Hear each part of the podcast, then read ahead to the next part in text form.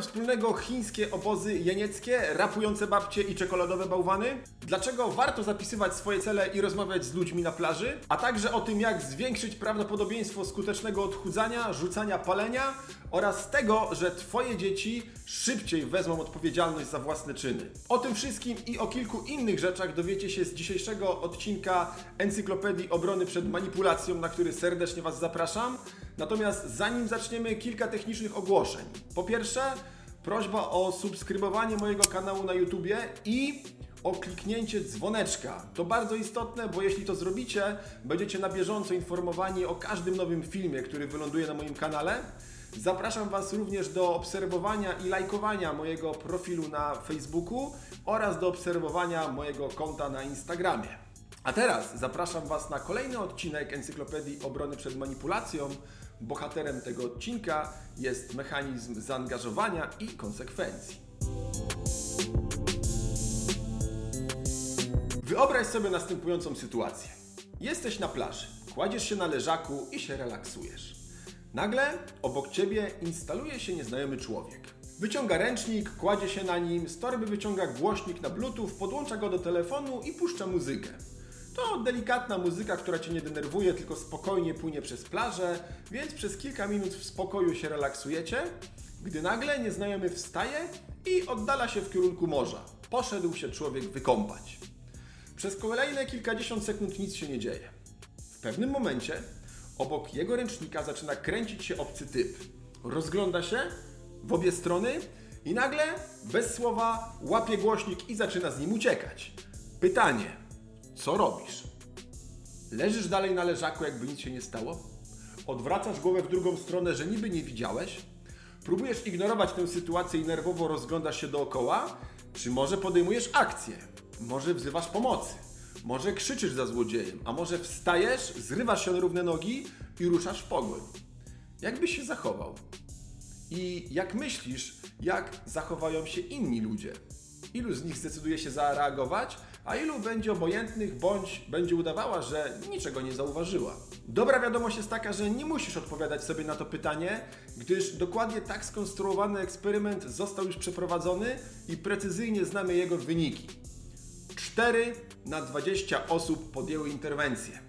Zaczęły krzyczeć, zaczęły wzywać pomocy, a niektóre ruszyły w pogoń za złodziejem, który oczywiście złodziejem nie był, tylko asystentem psychologa, który eksperyment prowadził, a niektórzy ruszyli w pogoń, dopadli złodzieja, obalili go na ziemię i siłą próbowali zabrać mu głośnik. I teraz co ciekawe, jest bardzo prosty sposób, w jaki można aż pięciokrotnie podnieść te statystyki i sprawić, że nie 4, a 19 osób ruszy w pogoń. Dlatego, że w drugiej wersji tego eksperymentu ten nieznajomy człowiek, zanim ruszył w kierunku morza, zrobił jedną rzecz. Podszedł do osoby będącej obiektem eksperymentu i poprosił ją, żeby popilnowała jego głośnika.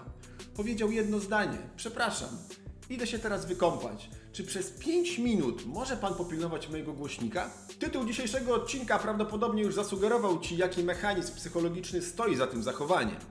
Tak, masz rację, to mechanizm zaangażowania i konsekwencji.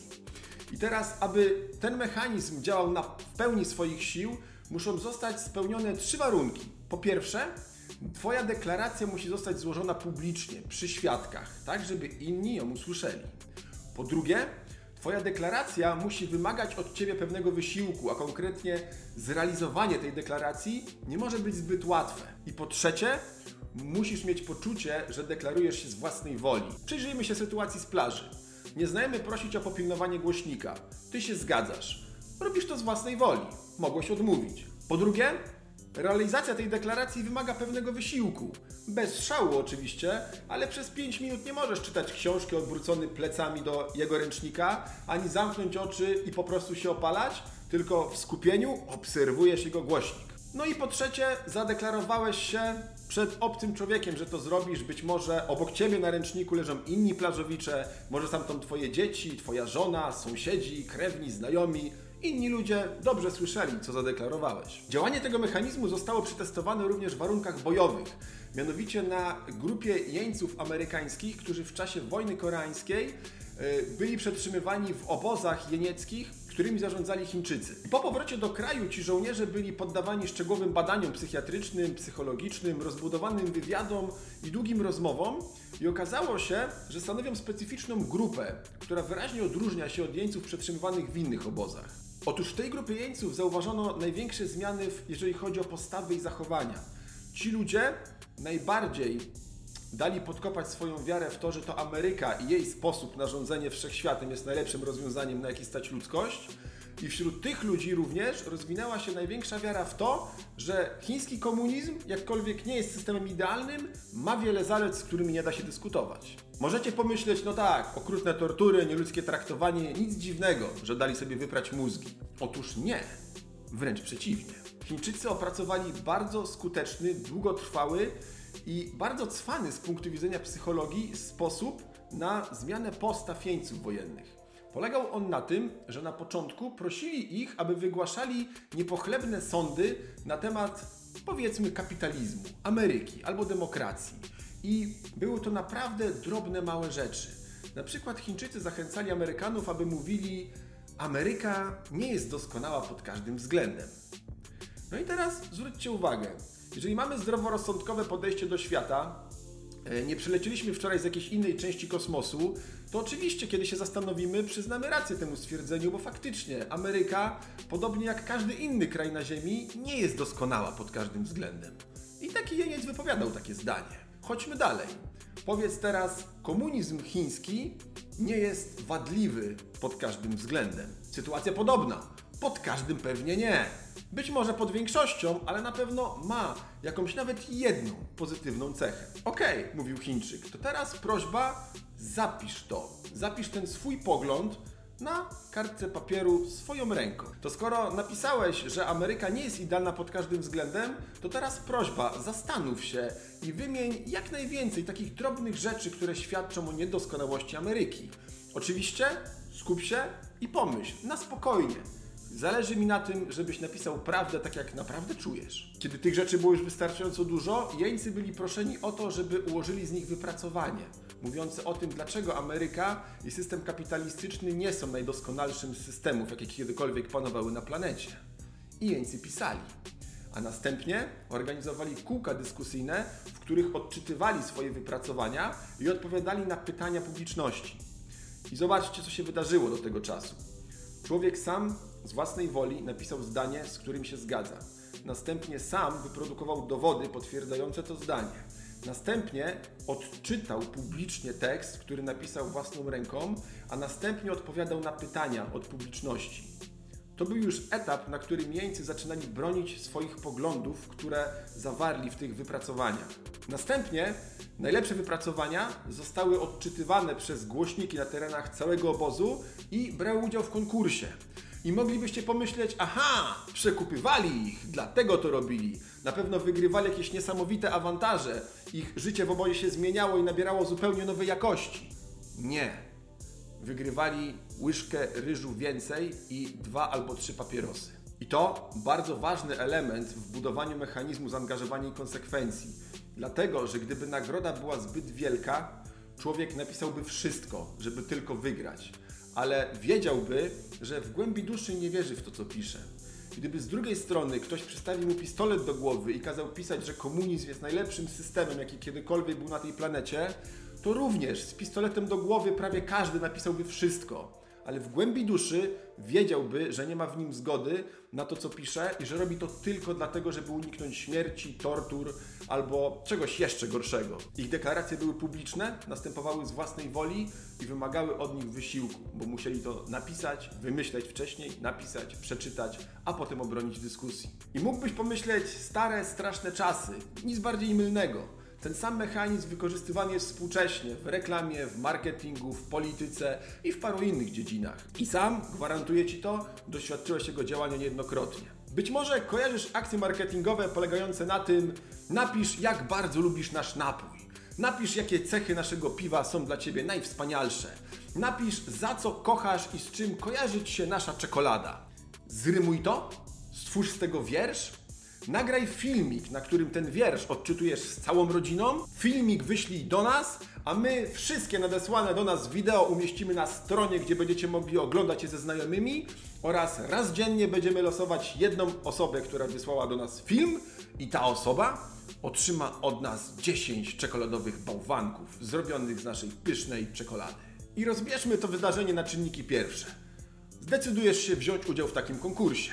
Mówisz o tym rodzinie. Słuchajcie, napiszę wierszyk, a potem go nagramy do kamery, wyślemy, będziemy na stronie, będą świąteczne jaja. Robimy. I właśnie publicznie zadeklarowałeś, że to zrobisz. Więc idziesz do swojego pokoju, przykładasz się do pisania, przez pół godziny piszesz wiersz o czekoladowych bałwankach, a to nie jest prosta praca, jeżeli nie jesteś poetą, i po pół godzinie wracasz do rodziny i mówisz: Mam, rozstawiamy statyw, wstawiamy smartfona, nagrywamy. I tu musisz wykonać kolejny wysiłek, bo musisz przekonać rodzinę do wzięcia udziału w inicjatywie, bo jeszcze chwilę temu myśleli, że żartujesz. Więc musisz ich namówić, przekupić, zmotywować, musisz babcię wyciągnąć za choinki, bo tam się schowała i nakłonić babcię do rapowania. No to nie są łatwe rzeczy. I wreszcie całą rodziną do kamery mówicie wierszyk o czekoladzie, a następnie wysyłacie wideo i cieszycie się, kiedy dzień później znalazło się na stronie producenta albo na jego koncie na mediach społecznościowych. I w tej chwili wasza deklaracja mówiąca, że czekolada tej firmy jest super, została obwieszczona bardzo publicznie wszystkim użytkownikom internetu.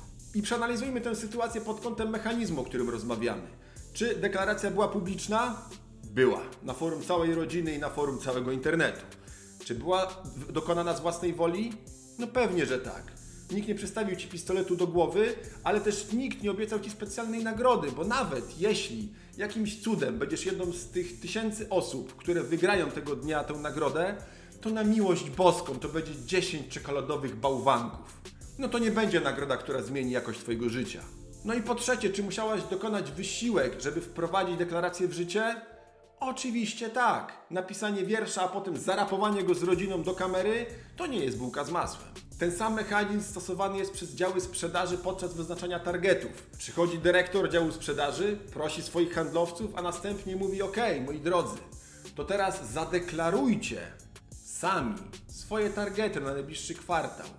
Nie, ja Wam teraz powiem, ile macie zrobić obrotu, tylko Wy powiedzcie mi, na co Was stać. Ale upewnijcie się, że ten cel będzie ambitny i że jak go zrealizujecie, będziecie z siebie zadowoleni. Słucham. Ile? 30 tysięcy? Zuch. 50? Proszę, 250 tysięcy? Ćwierć naprawdę? No mistrz świata. To teraz długopisy do łapek i zapiszcie to na karteczkach i dokładnie określcie ramy czasowe, w jakich chcecie to zrobić. I tu ciekawostka, samo zapisanie Twojego celu na kartce i nadanie mu ram czasowych dwukrotnie zwiększa prawdopodobieństwo, że to zrealizujesz. I teraz, żeby nie demonizować, możemy wykorzystać ten mechanizm na swoją korzyść.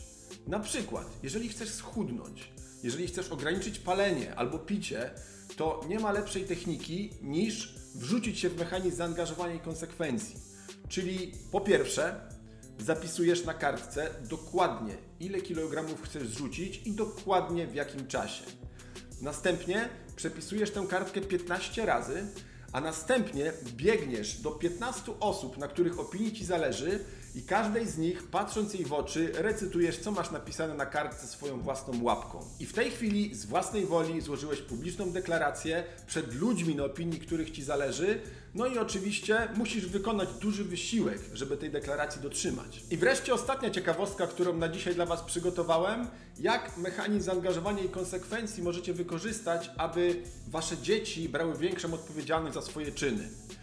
Jonathan Friedman przeprowadził ciekawy eksperyment polegający na tym, że zabierał chłopców do pokoju, w którym było dużo różnych zabawek. Jedna z tych zabawek była wyjątkowo atrakcyjna. Była, taka, była takim hitem sezonu, który każdy chłopiec z wieku 7-9 lat chciał mieć. I Friedman mówił do chłopców: Zabawa tym robotem jest bardzo niewłaściwa. Jeżeli zobaczę, że się nim bawisz, to będę bardzo zły i będę musiał wyciągnąć konsekwencje. Chyba tego nie chcesz. Po czym wychodził z pokoju i obserwował chłopców przez lustro weneckie. I okazuje się, że tylko jeden na 20 chłopców bawił się robotem pomimo zakazu. Tu nie było specjalnego zdziwienia. Dzieci po prostu bały się kary, bały się konsekwencji, że jakiś obcy facet zacznie na nie krzyczeć, stawiać do kąta albo robić im jeszcze coś gorszego, więc większość z nich wolała nie dotykać robota. Natomiast prawdziwy eksperyment odbywał się po 6 tygodniach od tej pierwszej części. Bo po 6 tygodniach ta sama grupa chłopców zaproszona została na kolejne badanie, już nie przez Friedmana, już nie w tym samym budynku, tylko w zupełnie innym kontekście. W pokoju była kobieta, chłopiec wchodził do pokoju, kobieta prosiła go, żeby usiadł przy biurku i coś narysował. Chłopiec kończył rysunek, kobieta mówiła super, to ja muszę go teraz przeanalizować, a ty idź się pobawić. I w pokoju zabaw był zestaw zabawek, w tym również ten zakazany robot. A za lustrem weneckim stał Friedman i obserwował, jak zachowują się dzieciaki. I okazało się, że kiedy bezpośrednie zagrożenie w postaci dorosłego, czyhającego na nasz błąd zniknęło, większość chłopaków bardzo chętnie bawiła się tym robotem, bo aż 3 czwarte z nich sięgnęło po niego w pierwszej kolejności. I tu robi się ciekawie, bo Friedman przeprowadził ten eksperyment również w innej wersji. Znowu zebrał chłopców w tym samym pomieszczeniu, gdzie były te same zabawki ustawione w taki sam sposób, a następnie przekazał mi następującą informację. To bardzo niewłaściwe, żeby bawić się tym robotem. Kropka. I wyszedł. Nie groził, nie zastraszał, nie pokazywał negatywnych konsekwencji. Po prostu wyjaśnił im, że zabawa tym robotem jest niewłaściwa. I pierwszy efekt był dokładnie taki sam jak przy pierwszym badaniu. Tylko jeden na 20 chłopców odważył się sięgnąć po robota. Ale po 6 tygodniach, kiedy ta grupa została zaprowadzona do tego samego pokoju, gdzie była tamta pani, która poprosiła ich o to, żeby zrobili ten rysunek, a potem powiedziała, że musi go przeanalizować, a oni mają się iść pobawić, już tylko co trzeci chłopiec odważył się sięgnąć po robota. Pozostali nie wykazywali nim zainteresowania i wybierali do zabawy inne zabawki. I drodzy rodzice, mam wrażenie, że można się z tego bardzo dużo nauczyć, dlatego że jeżeli będziemy karać dzieci albo je zastraszać, grozić im negatywnymi konsekwencjami, to w większości przypadków to, co osiągniemy, to strach przed karą, a nie wyplenienie zachowania. Dziecko nie nauczy się, że nie wolno bić młodszych, nie wolno ciągnąć siostry za warkocz, nie wolno kłamać, pluć albo kopać, bo jest to niedobre tylko nauczy się, że można robić te wszystkie rzeczy, tylko sprytnie wtedy, kiedy rodzic nie patrzy. Ale dzieciom z drugiej grupy Friedmana nie grożono konsekwencjami, tylko powiedziano im, że takie zachowanie jest niewłaściwe. Wobec tego, w przypadku braku zewnętrznych motywatorów do jakiegoś zachowania albo do rezygnacji z tego zachowania, chłopcy musieli wytworzyć motywację wewnętrzną. Czyli przekonanie, zabawa robotem jest niewłaściwa, kropka. Nie należy go dotykać. I już. Nie należy bić młodszego brata nie należy ciągnąć za włosy siostry. Nie należy pluć na mamę i gryźć taty. I teraz kluczem do nauczenia małych dzieciaków takiej konsekwencji jest odpowiednie dobieranie kar i nagród w odpowiednich proporcjach do ich zachowań. I w opisie do tego filmu wrzucam Wam ciekawski artykuł, który może Wam się przydać, jeżeli ten temat Was zainteresował i jeżeli chcielibyście jeszcze bardziej rozwinąć swoją wiedzę w tym zakresie. A dzisiaj serdecznie dziękuję Wam za uwagę. Mam nadzieję, że temat był dla Was ciekawy. Zapraszam jak zwykle do subskrybowania, zapraszam do wciśnięcia dzwoneczka, gdyż wtedy na bieżąco będziecie informowani o każdym nowym filmie. Zapraszam na Facebooka, zapraszam na Instagrama i zapraszam już niedługo do kolejnego odcinka Encyklopedii Obrony przed Manipulacją. Dzięki za dzisiaj i do zobaczenia.